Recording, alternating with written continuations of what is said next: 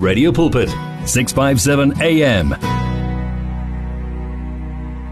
Mm Sinek Sinek Sinek uthi you are so good. Yebo ungunkulunkulu omuhle ungunkulunkulu onothando ungunkulunkulu futhi onakekela nayo ingakho sithi he is so good kanti futhi akashintshi bazalwane uhlezi enjalo ngazo zonke ikhathi mm 1448 njoba ngithembisile ukuthi uma ngibuya ngino Jordan Sipho oh ngithi Sipho Jordan Ah, kuyayifanela.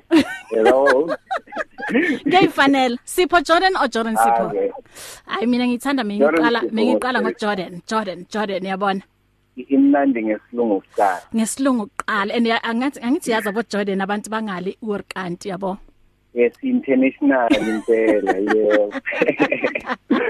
Sawubona sawubona sawubona mfowethu. Happy happy happy youth month. Sibonge sibonge sisibahle Mam Jeffro bathe ngikubize njalo eh.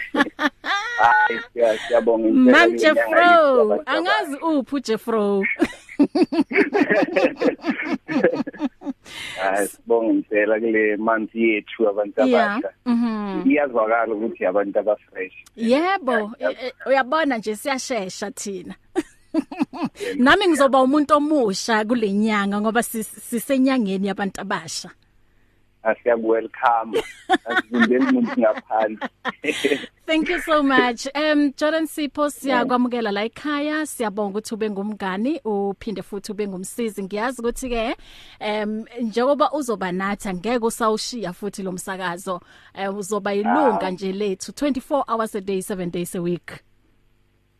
injalo injalo singelele nabalaleli emakhaya eh radio pulpit silafo for sundays yaka June asindawo na Asindawo. after June Yeah. Mhm. Yebo. Um before ke uzosinikeza imotivation, ngicela nje us- us- usitshele kancane ngo Jordan Sipho ukuthi ubani?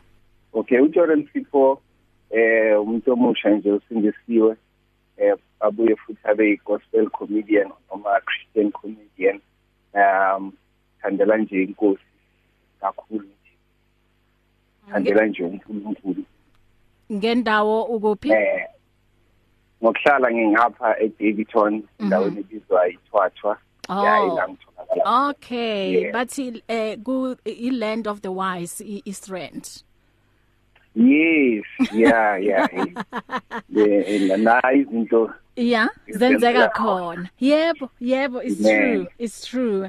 Okay, usiphatheleni namuhla noma ngathi uphathele abantu abasha em enjani imotivation? Ngoba ngempela abantu abasha kuningi okuwukuthi babhekana nakho empilweni so kuyadingeka ukuthi sihleze siba motivate kubonakale ukuthi siyabathanda and then siyabanakekela. So uthini kubona namuhla? Oh namhlanje ngiphethe nje izwi. Weke ngami kube siculi worshiping song manje se radioweni uyakwazi ukucula ushona ikhiya mina okungahambelani ne keyboard Hayi, siyayifanela mina nawe. siyayifanela. Vocally wounded. yebo. Mhm. Uh ku-incwadi le First Kings chapter 19 verse 7 uthi and the angel of the Lord came again a second time and touched him and said arise and eat for the journey is too great for you lithi iBhayibheli ke la eh, likhuluma ngoEliya maqedwe ukubulala abaprofeti baBhali umlayezo ufika ku Jezebel uJezebel uyamthreatenisha ungena amanzi emadolweni kuElijah udla phansi. Then lithi iBhayibheli masekahambile afike endaweni esihlahleni nje sincanyana wafika wahlala lapho. Walala afuna ukufa akhuleka ukuthi nono ngife than ukuthi ngiyohluzeka kanje. Then kufika ingelosi ke kwesibili la sifunda khona kuverse 7 ithi eh unokudla la kunesinkwa namanzi vuka udle ngoba uhambo luseseluhle ngithanda ukusho kubantu abasho ukuthi eh uhambo lwethu khane licala. Uhambo lwethu liseselusha uhambo lwethu eh asikakafiki la uNkulunkulu afuna sifike khona. So uma uzwa sengathi ufikela ukudangala isinkwa eBhayibhelini sirepresenta izwi likaNkulunkulu amanzi arepresenta umoya engcwele. So uma ufila ngathi sowufike ekugcineni ukhona izwi elingamandla. Bantwana bakaIsrael mabafika eh ehlane mabaphuma eGibhithe bahlangabezana nesimo sendlala bakhuleka kuNkulunkulu Mose yabakhulumela uNkulunkulu bathumela imali. Uma kuchazwa ngale yamana ke bathi ke beyiphethe yonke imisoco edingwa umzimba. Yabo so izwi likaNkulunkulu linjalo emphefumulweni wethu. Uma sifikela ukudangala uma sifikela ukukhathazeka uma sifikela ukuphelelwa amandla uma sidla izwi likaNkulunkulu sivumela umoya engcwele kube uye oyethisa lezi esilishile. Siba namandla okuya phambili namandla okuchubekela phambili ngoba uhambo lwethu liseselude eh sesiziningi izinto esisazohlangabezana nazo. Kepha uma siphethe izwi uma sinalomgodlwa nesikhwama lesezi si-right sidla izwi lehlisa ngomoya engcwele eh uhambo lwethu luzoba lula futhi uhambo lwethu eh luzoba uhambo lokunqoba. Akusho ukuthi izinto ngeke zibe khona futhi akusho ukuthi ama challenges ngeke bekhona kepha uNkulunkulu usiphe izwi lakhe uthi washiya nomoya engcwele ukuthi uhambo lwethu libe uhambo lokunqoba. Amen. Mm uyazi ngithanda uma uthini uthi sidle izwi bese sehlisa ngomoya ongcwele. Wow. So amen.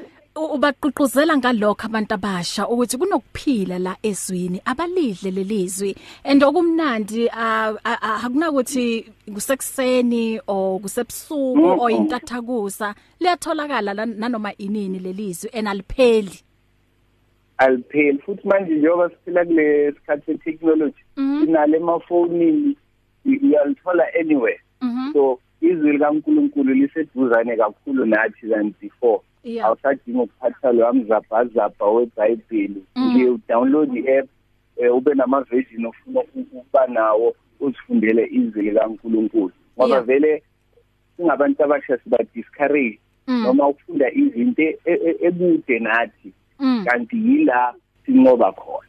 Amen. Mm ila sinqoba khona. Haleluya and kungaba kuhle ukuthi uyabona njengoba ikakhulukazi ezikolweni and into engizwisa ubhlungu ukuthi even na ku primary sibona nje izinto okuwukuthi hey ziwumhlola esiyibona ebantwaneni bethu. So uyazi nje ngathi le yanto yakhumbula qala bokunabo assembly. Yabona izinto ezinjalo? Ya kukhulekwa and kunikezwa nemotivation. Ungathi ingabuya futhi lento ukuze izingane zethu zikhule zazi ukuthi ku important kanjani ukuhlala ezwini ukudla izwi likaNkuluNkulu. Ngoba ngeke uthi uzokwehlisa ngomoya ongcwele kodwa ungakalazi izwi likaNkuluNkulu. Yebo kuqala lapho. So thank you so much ukuthi uba motivate namuhla. Abantu abasha ukuthi abahlale ezwini god bless you. And bamthola kuphi uSipho Jordan or Jordan Sipho? Uma mhlawumbe bangathanda ukuthi eh baxhumane naye mhlawumbe angathanda ukuthi bakubize einkonzweni nalapho ke uzoqhubeka umotivate. Okay ngiyatholakala ku wonke ama social media platform ngo Jordan Sipho. Uma ungena nje ku TikTok ungena ku Instagram Facebook ku Twitter just eh type Jordan Sipho ngiyatholakala lapho. Okuningi ke eh ngixoxa lapho hayi yeah. ama number ya uzawathola tholakala nje kuphela. Yeah, plus I know ukuthi hey abantu abasha ngokuza la ekutypeni hey bayashesha bamasinya bamasinya bamasinya. So banga inboxela banga banga DM you know all those things. DM ngokuyami mhm niya DMeka kule nsuku yeah. eh nginingi em DM weni so hayi ngiyatholakala impela. Siyalishumayela ivangeli ngayo i-comedy. Yeah. Eh ukuthi abantu abasha bazi ukuthi akusukume politics kuphela yeah yeah. angiphiwe uNkulunkulu asiphe zona ngiyafuna ukushumayela mm. Umama Teddy Bear uthi wow izwi likaNkuluNkulu is all a young person needs to carry. Ngithanda makathi uSipho Jordan uhambo lwethu singabantu abasha eh uthi lusa lu- lusaqala luselusha. Ne. ngakho ke young person don't believe the lies of the devil. Eh uthi mm, mayethi sekuphelile ngawe. So akukapheli kumuntu omusha. Eh ubongani the author uthi Mr Jordan siyabonga kakhulu. Eh ithe mawubiza ifamily ka Radio Pulpit uthe listeners.